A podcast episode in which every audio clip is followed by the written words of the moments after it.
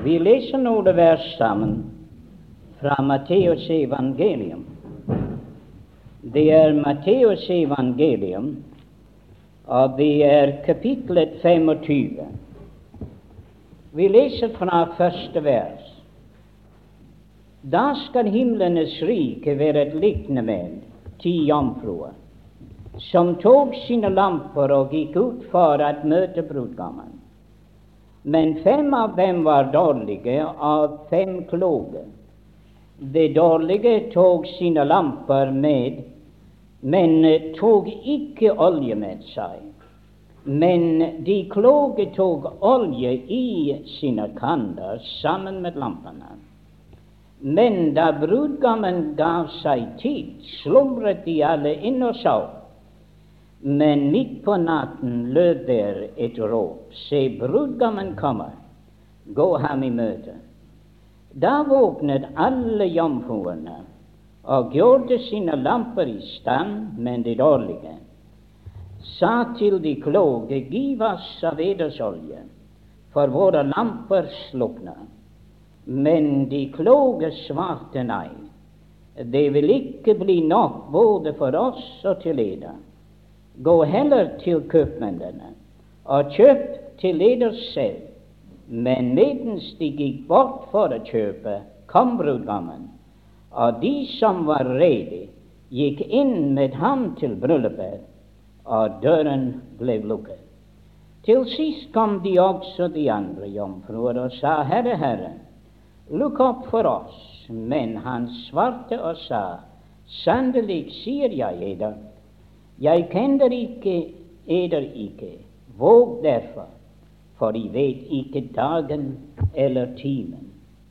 Jeg tenkte også at lese et vers i Johannes' åpenbarelse. Og det er kapitlet 19 og vers 6.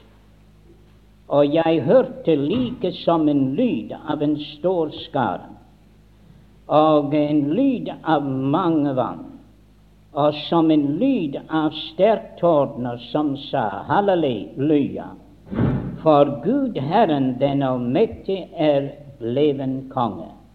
La oss glede og fryde oss og gi ham ære, for lammets bryllup er kommet, og hans brud har gjort seg rede, og det er henne gitt å kle seg i rent og skinnende fint lin, for det fine lin er det helliges rettferdige gjerninger. Og han sier til meg, skriv, salige er de som er innbudt til lammets bryllup, snart vær. Og han sier til meg, dette er Guds sande ord. Nå må Herren rikelig velsigne for oss lesning av sitt dyrebare ord. Vi mennesker i disse dager, vi har en følelse at vår verden står overfor en veldig stor begivenhet. Det har skjedd store ting i de siste 2000 år. Men den største det er skjedd i denne verden, er at vår Herre Jesus Kristus, han kom til denne verden. Og det neste og, uh, på like måte med dette er at han døde på et kors, og at han stod opp igjen fra de døde, og på pinsedagen at han sendte Den hellige ånd. De var store ting der skjedde med vår verden, fordi det var himmelen der grep inn og gjorde noe stort. Og vi har en følelse at i dag vi står overfor en stor himmelske inngripen i denne verden. Tingene er så vanskelig at mennesker er ikke i stand til å få alt å gå som det skulle. Og Derfor er vi klar over at himmelen må gripe inn. Men hva er det eh, der skal skje? Hva er det neste ting på verdens program? det er så at verden tenker ikke på den neste ting som vil skje. Jeg har hørt store menn si at den neste ting som vil skje, er Harmageddon. Men det tror jeg ikke. Den neste ting der vil skje, er at Herren vil komme og hente sin menighet hjem til seg. Det er jo klart at det er tegn, og vi hører ofte tegn om Herrens tilkommelse. Men det er av den grunn at de fleste er ikke klar over at den begivenheter den skjer på to forskjellige måter. Når vi leser Det gamle testamentet, det omtales Herrens komme. Men det er som oftest Hans komme i sin herlighet. Men at Hans komme til å lide var ikke så forstått av de fleste. Men han skulle komme for å lide og han skulle komme for å herske. Og derfor er det at den røver på korset han var ikke så uh, dårlig undervist, for han sa Kom meg i hu når du kommer i ditt rike. Se? Han visste bedre beskjed enn de fleste folk i dag som beder kom ditt rike. Jeg spurte en mann en gang hva det, dette betød. Han sa han hadde bedt denne bønn i 40 år. Jeg sa hva betyr det, kom ditt rik? Han sa sannelig, jeg vet ikke hva det betyr. Så han hadde bedt en bønn i 40 år og ikke visste hva det var for noe. Men røveren på korset visste hva det var for noe. Han sier, 'Kom meg i hu når du kommer i ditt rik'. Og det er dette i Det nye testamentet, når han skulle komme i sitt rike. Det vil si når han skulle komme til Oljebjerget, ifølge Sakarias profeti, og hans føtter skulle røre ved dette bjerg, og han skulle blive den store konge å ta seg av Israels børn igjen og herske i tusen år, det er at han kommer i sitt rike. Vel er det at riket har en meget større forståelse enn bare tusen år. Men han skal herske i tusen år, ja. Han skal herske i all evighet. Og derfor er det at vi tenker på Hans komme i sitt rike. Men det er en begivenhet der skjer før den tid, og det er at han kommer for å hente sin brud. Bryllupet kan ikke finne sted før bruden er hentet hjem. Og det er disse to ting som ikke er forstått av de fleste at det er en komme for å hente sin brud. Det er første Tessalonika 4, det er første Korinter 15, det er Johannes 14. Der er det at han taler om hans komme for å ta oss til seg, så at vi skal alltid være hos ham. Og dette er menighetens håp. Og dette er hva vi venter på. Og dette kan skje allerede i aften. Den herlige begivenhet. Så kjære Guds barn, løft hodet opp, og vær klar over dette, at vår velsignede Herre og Frelser, han kommer for å hente sin menighet snart. Men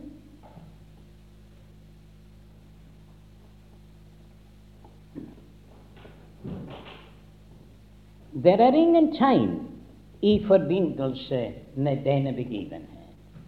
Og Derfor er det at det er så mye sagt i dag om tegn. men det har intet med dette å gjøre.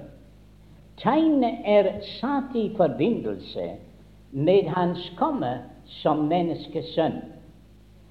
Hans komme for menigheten, det står 'Herren skal komme', og det står 'Jeg vil ta imot dere'. Det er alltid i den første person. Men når han taler om hans komme til å herske, så sier han 'når menneskesønnen kommer'. Han bruker tredje person fordi at det er en helt annen begivenhet. Vel, det er masser av tegn i forbindelse med dette. Og det er derfor at 23., 24., 25. kapittel Matteus evangelium de svarer dette spørsmål om hva det er tegn på ditt komme, på Jerusalems ødeleggelse og på verdens ende. Jeg mener at det er tre forskjellige spørsmål der. Den ene angår Jerusalems ødeleggelse. Det andre angår enden av denne tidshusholdning. Og den tredje angår enden av denne verden. Men det er egentlig tre spørsmål, og jeg tror at Herren svarer alle tre. Med hensyn til verdens ende han sier der er ingen der vet om dette. Dette er i Faderens hånd. Men med hensyn til hans komme som menneskesønn, så forteller han oss om de forskjellige ting der ville skje om de forskjellige tegn i forbindelse med menneskesønnens tilkommelse.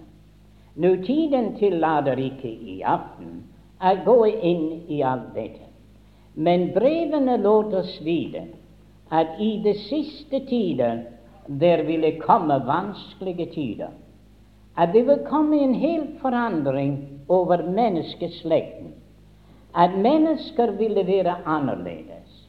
De ville være upålitelige. De ville være fylt av alt mulig ondskap.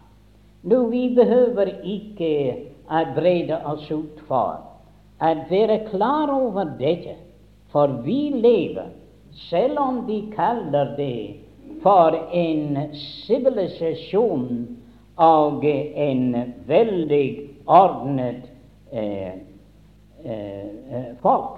Dog likevel er det så at vi hører og ser de forskrekkeligste ting som man kunne tenke seg. Mennesker er forandret. Og det er dette at det hele skulle gå frem til det verre. Det er også så. Men det er ikke bare at det er en forandring blant mennesker selv. Men det er en forverring i hele situasjonen, for de skulle legge seg efter forførende ånder. Når dere er i verden i dag forførende ånder, slik som ikke har vært siden den Herre Jesus var her. Da han var her, der var en tid da disse makter de likesom var løslatt. Men den tid vi lever i, disse var bundet, og det ser ut til de har ikke hatt den makt i de siste 2000 år.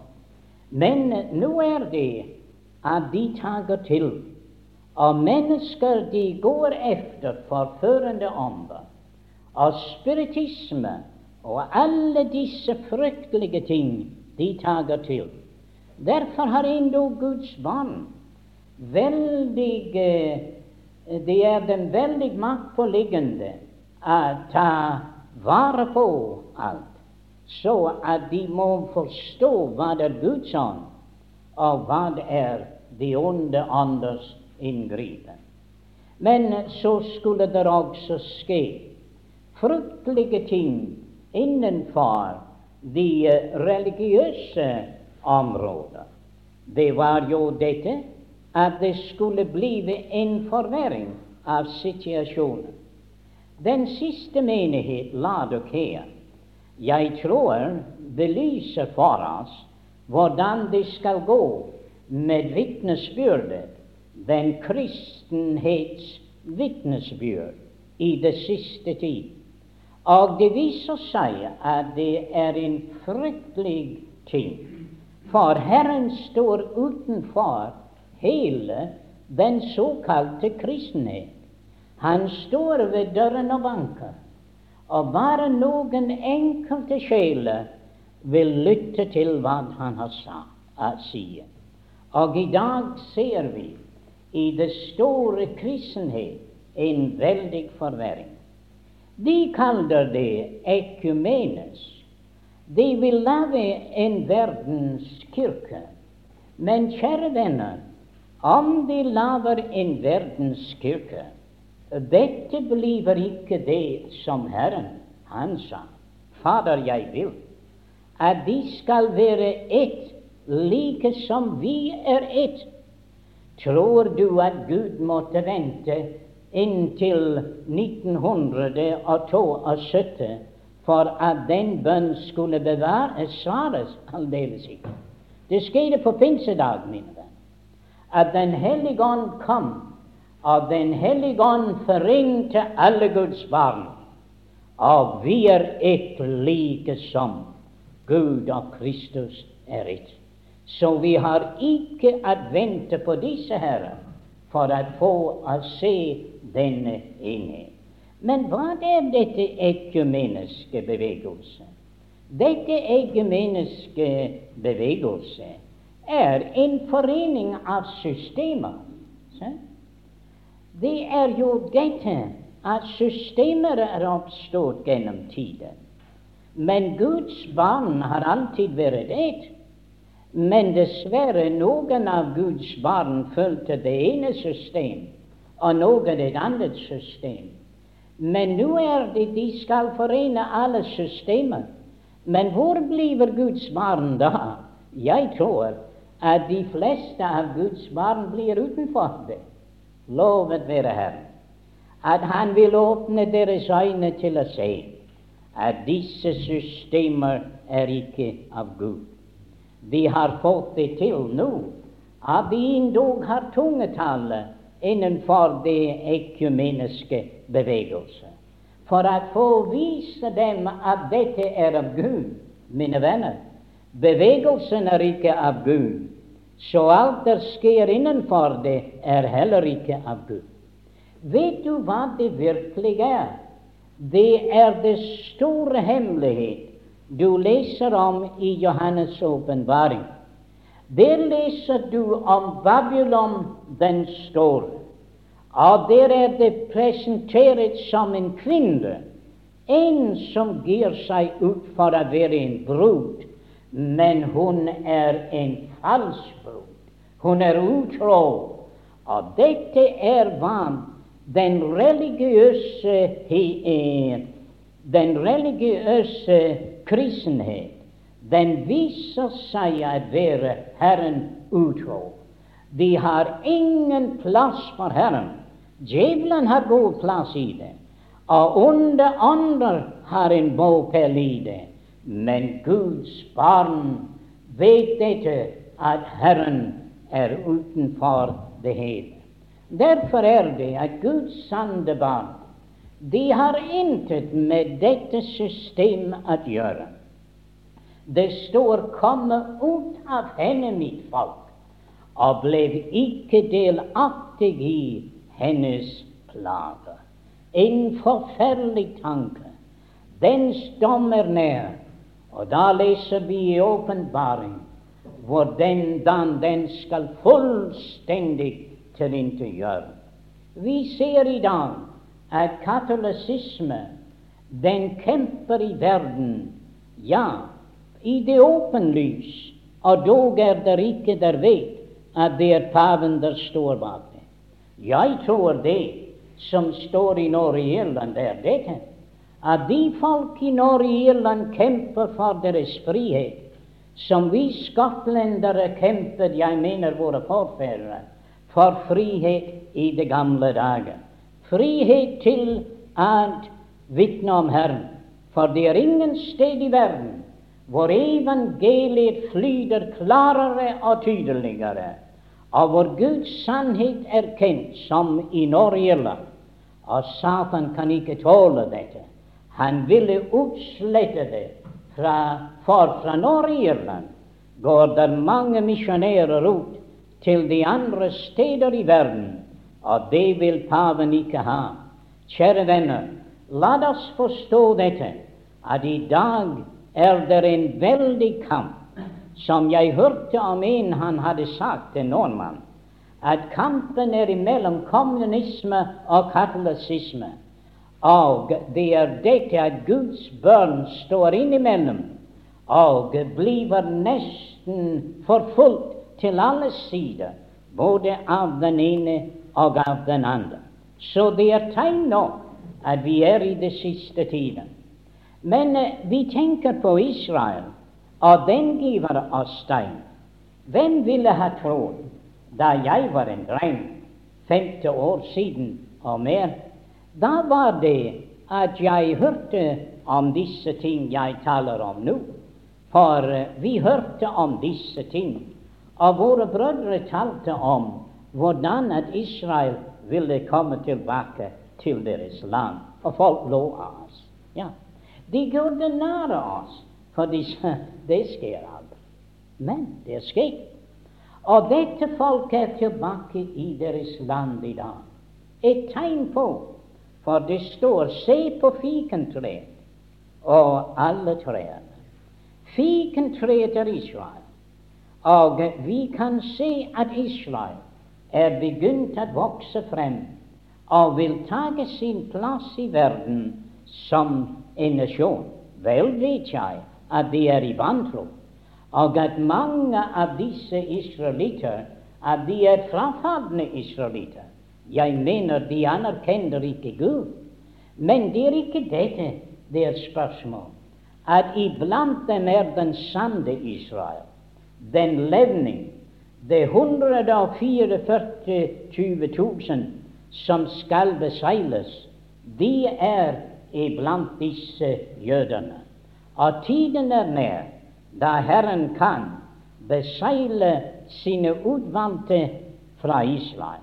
Men det blir først når menigheten er bortrykket og jødene har fått deres plass i vitnesbyrdets tre. Men det er disse tegn, mine venner. Og da vi også ser rundt omkring oss og tenker på de ting der skjer i Russland, og i Kina, og i Japan og i India, hvordan at verdens folk de reiser seg, det lader oss vite at vi står overfor en veldig oppgave. Nå, det er dette det skynder folk i Europa for å prøve på å gjøre hva de kaller for de europastatene. Og så tror de at de er i ferd med å gjøre noe veldig godt. Selvfølgelig man kan forstå at de må gjøre det. Ellers kunne de ikke stå mot Russlands makt og Kinas makt og de andre makter det er ved å velde inn. De kunne ikke gjøre det, men de prøver på å opprette det. Men profetien lader oss vite at ved endens tid at det skulle oppstå et romersk rike. Det skulle oppstå en tikongemakt. Og derfor er det de fleste forteller oss at det som skjer nå, det er Romerriket. Det er det ti kongemakt. Og nå skulle Norge inn og Storbritannia, og så skulle vi ha det ti. Kjære venner, det er ikke de ti. Det er ikke dem, aldeles ikke dem. For det ti kongeriket er noe der dekker hele Middelhavet. Se? Det er ikke noe for det nordiske landet. Og jeg er ikke overbevist om at Storbritannia og Norge og Danmark kommer inn. Jeg tror at de ville være meget heldigere hvis de holder seg sammen med Amerika og lar de andre om det ti kongerik. Men uh, vi vet ikke alt sammen hva det vil føre til. Men uh, jeg vet i hvert fall at de to, ti som de taler om nå, er ikke det ti det Bibelen taler om. For det er det latinske folk som dekker Middelhavet. Der blir den mann. Men det er en forberedelse til det. Og det later oss si at det forsøker å komme til det, og den vil komme. Og det vil bli en ti kongerike, om det ikke er nettopp disse makter. Og jeg tror at den er ganske, ganske nær. Men Spania og Grekenland og Rumænien og Ungarn og alle disse andre, de må være i det, min venner. Så at de må søke andre steds for deres tid enn i England og Norge og Danmark. Men venner, alle disse ting fortelles at vår verden er like ved å smelte sammen til en veldig stor katastrofe. Og da vet vi at Bibelen i åpenbaring forteller oss om disse ting. Men tiden tillater ikke at vi kommer inn på det i aften. Men hva jeg ønsket å betone, var dette at vi som Guds barn, vi søker verken for det ti kongeriket, eller venter vi på Babylon den store, eller venter vi på jødene i landet. Hva er det Guds barn venter på? Guds barn de venter på vår Herre Jesu Kristi komme for å hente hjem sin bror. Nå, det er dette at det som Gud gjør nå, er en spesiell ting. Han kaller ut av denne verden et folk til sitt navn. Det er noe som ikke har vært før. At han kaller ut av hetningene og jødene. Og han gjør disse to til ett. Og han danner den til sin menighet sin forsamling, sitt legeme, sin brud. Når det er noen der sier at menigheten er ikke bruden, ja, men så må de kunne bevise at Israel er bruden. Men det kan de ikke gjøre. For en hustru som er tilsidesatt, kan aldri være lammets brud. Og ikke bare dette. Men Johannes døperen, han visste bedre beskjed. Johannes døperen, han sa dette Den som har brudgommen, bruden er brudgommen. Og brudgommens venn, han gleder seg over brudgommens røst. Min glede er fullkommen. Johannes døperen forteller oss at han er ikke brudgommen, og han er heller ikke bruden men han er brudgommens venn. Det var det han var. Og kjære venner, det er jo så. Disse er brudgommens venner, og jeg tror at de fem kloke og de fem dårlige her, disse var venner av brudgommen, og bekjentende venner av brudgommen. Men ingen av disse var bruden. For hvis vi forstår og tager det av den manuskript som heter Vatikanus. Der står det på denne manuskript Se, bruden og brudgommen kommer, gå dem i møte. At dette var jo noe helt annet. Se? For hva det er, er at Herren vil først komme for sin brud. Se? Og da dette her er menneskesønnens tilkommelse, som det er tale om, så er det derfor i forbindelse med Israel at han kommer. Og han kommer med sin brud. Bryllupet, mine venner, står til. Så la oss forstå dette. Hvor herlig det er å være Jesu Kristi brud, utvalgt fra denne verden, å være til bryllup.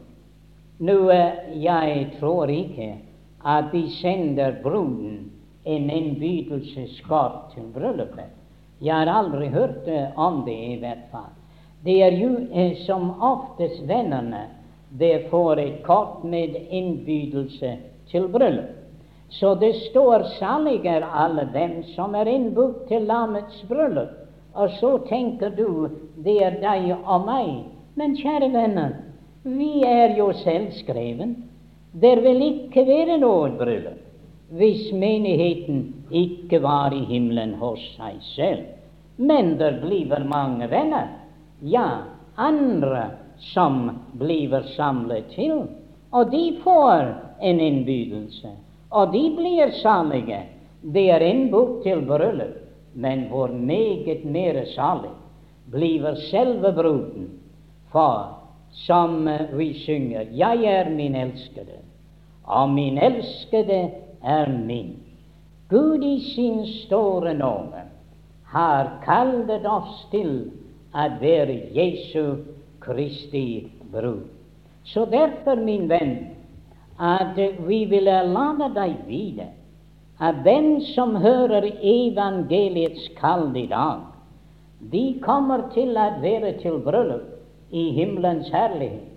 Men på denne måte at de blir selve bruden i herlighetens herlighet. Tenk hva dette ville si. Så nær til vår velsignede Herre og Frelser. Og derfor er det at i de eh, forkynnelser og den måte som evangeliet er fremstilt, det er jo for noen en innbydelse til et bryllup. Det er ikke innbydelse til begravelse. Nei, man ville, når man tenker på den skrekk som noen har for evangeliet. Man ville tro vi innbød til en begravelse. Nei, nei. For mine venner, det kan ikke være noen begravelse når den Herre Jesus er der. Han var til et bryllup, men han var aldri til noen begravelse. Ikke sier noe. Han må ha vært til en eller annen begravelse. Nei. Han en gang møtte dem på veien til graven. Og da ble det hele avlyst, for han reiste mannen opp. Og der skulle være en begravelse, en mann skulle dø, men Herren han kunne ikke gå, for da må han være til begravelse, og da vil det hele. Men hva han gjorde, var det. Han ventet til mannen var død og begraven, og da gikk han til begravelse. Men da ble det en oppstandelse. Se, det er aldri noen begravelse når Herren er til stede. Men han var ved et bryllup. Ja, han var ved et bryllup. Og lovet være Gud, dette bryllup var en veldig suksess. Og det er bare de brylluper som de har den Herre Jesus Kristus med seg, som kan være til en veldig suksess. Og bryllup er fremstilt som menneskets høyeste glede. Og derfor er det at evangeliet er å invitere mennesker til himmelens største glede. Det er ikke en jordisk glede, men en himmelsk glede. Du sier hvor lenge skal bryllupet vare? Det skal vare i all evighet. Tenk, mine venner, å være til bryllup i all evighet, for det er nettopp hva det blir. Vår velsignede Herre og Frelser. Vi skal stå ved Hans side, og det står alltid 'være hos Herren'.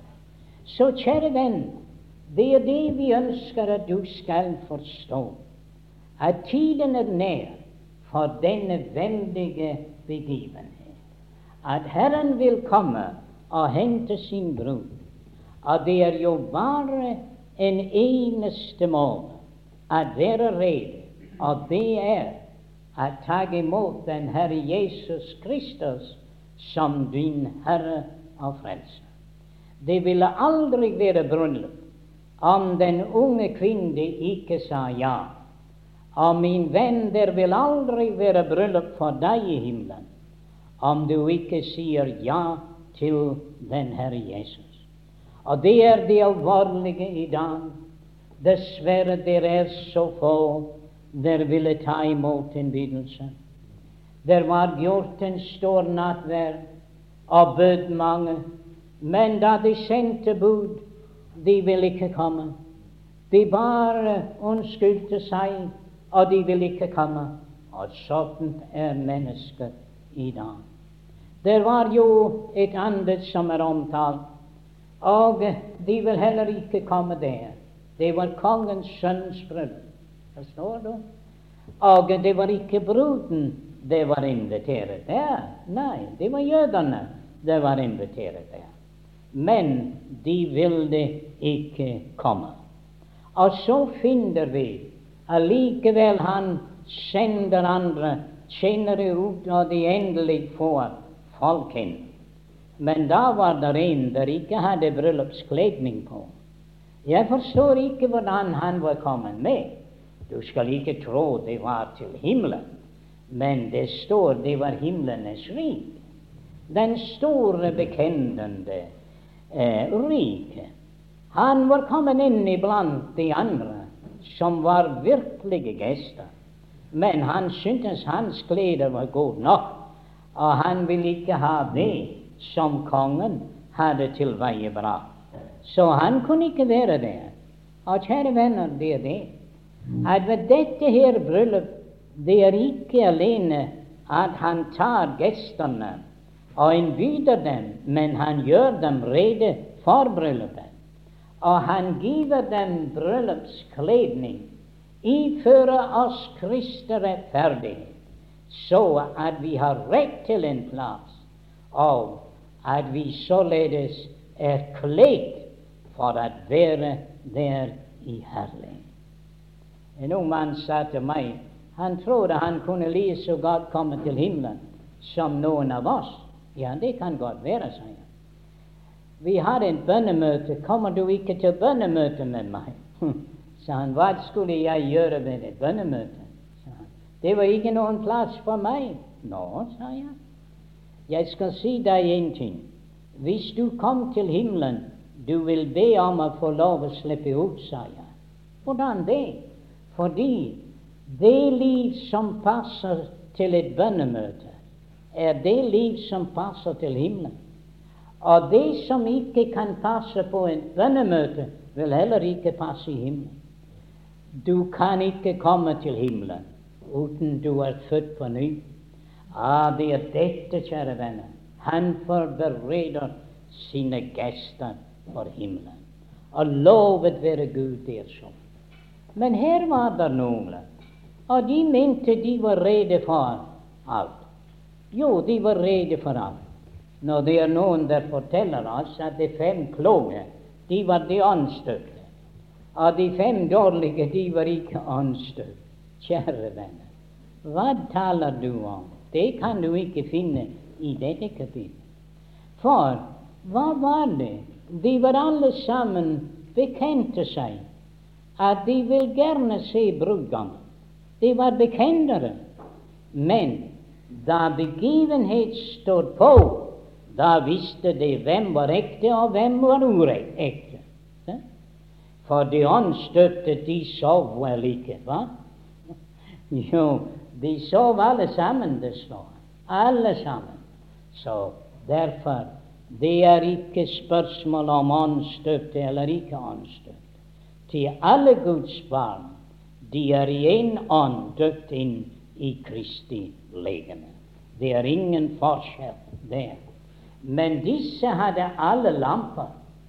De hadde en bekjennelse at de var rede til å ta imot brudgommen. Men når øyeblikket kom, det var ikke fordi de så at de ikke var rede men det var fordi at de ikke hadde olje i deres lampe. De var ikke født på ny. Og derfor er det en alvorlig ting. I dag er det masser av bekjennende kristne. Du spør dem og de sier de er kristne. som en mann kom til en bygd i Skottland, og han spurte om det var noen kristne her. Kristne? De er jo alle sammen kristne. Ja så visste han ikke hvordan han skulle komme til det. Ja, ja, sier han. Unntagen der, der en gammel hykler. Han bor der oppe. No. Så tenkte han han må gå og se den her gamle hykler. Men da han kom her, han fant et kjær Guds barn. Ja, se, det var det. At den, de var alle sammen troende. Men den eneste der var troende, var den her de kalte for en hykler. Se, i dag de alle heter kristne. Men hvor mange er virkelige kristne? Hvor mange er virkelig født på ny? Så, kjære venn, det er ikke nok at du skriver ditt navn her eller der, på den ene forsamling eller i den andre forsamling. Men har du vært født på ny? Har du liv i Kristus Jesus? Har du hatt en virkelig opplevelse? Er du tået i lammets blod, min venn? Har du Kristi rettferdighet på? Har du syndernes forlatelse ved troen på Guds sønn? Jeg det er dette. Man gjør seg rede på denne måten, at tro på den Herre Jesus Kristus. Så tiden er nær. Og legg merke til det var mens det gikk for å kjøpe. Jeg tror at de fleste folk de mener at de vil gjerne komme til himmelen, men de utsetter forberedelsen, og derfor går de fortapt. Satan han sier du har tidsnok, medens de gikk for å kjøpe. Nå vil de gjøre alvor av det. Nå vil de være riktig beredt, men det var for sent. Og selv om de andre ikke hadde vært hva de burde være, for de også sov, men de hadde likevel, innen de falt i søvn, gjort seg rede for at ta må. Det er ikke det at jeg vil råde deg til å falle i søvn. Nei, kanskje om de hadde vært våken, de hadde fått de andre til å våkne opp og komme til å forstå tingene bedre. Kjære venner, verden sover rundt omkring oss. De har alle sammen lamper. En bekjennelse av at de er kristne. Men er det skjedd noe i deres hjerte? Er de født på ny? Du og jeg burde være våken da.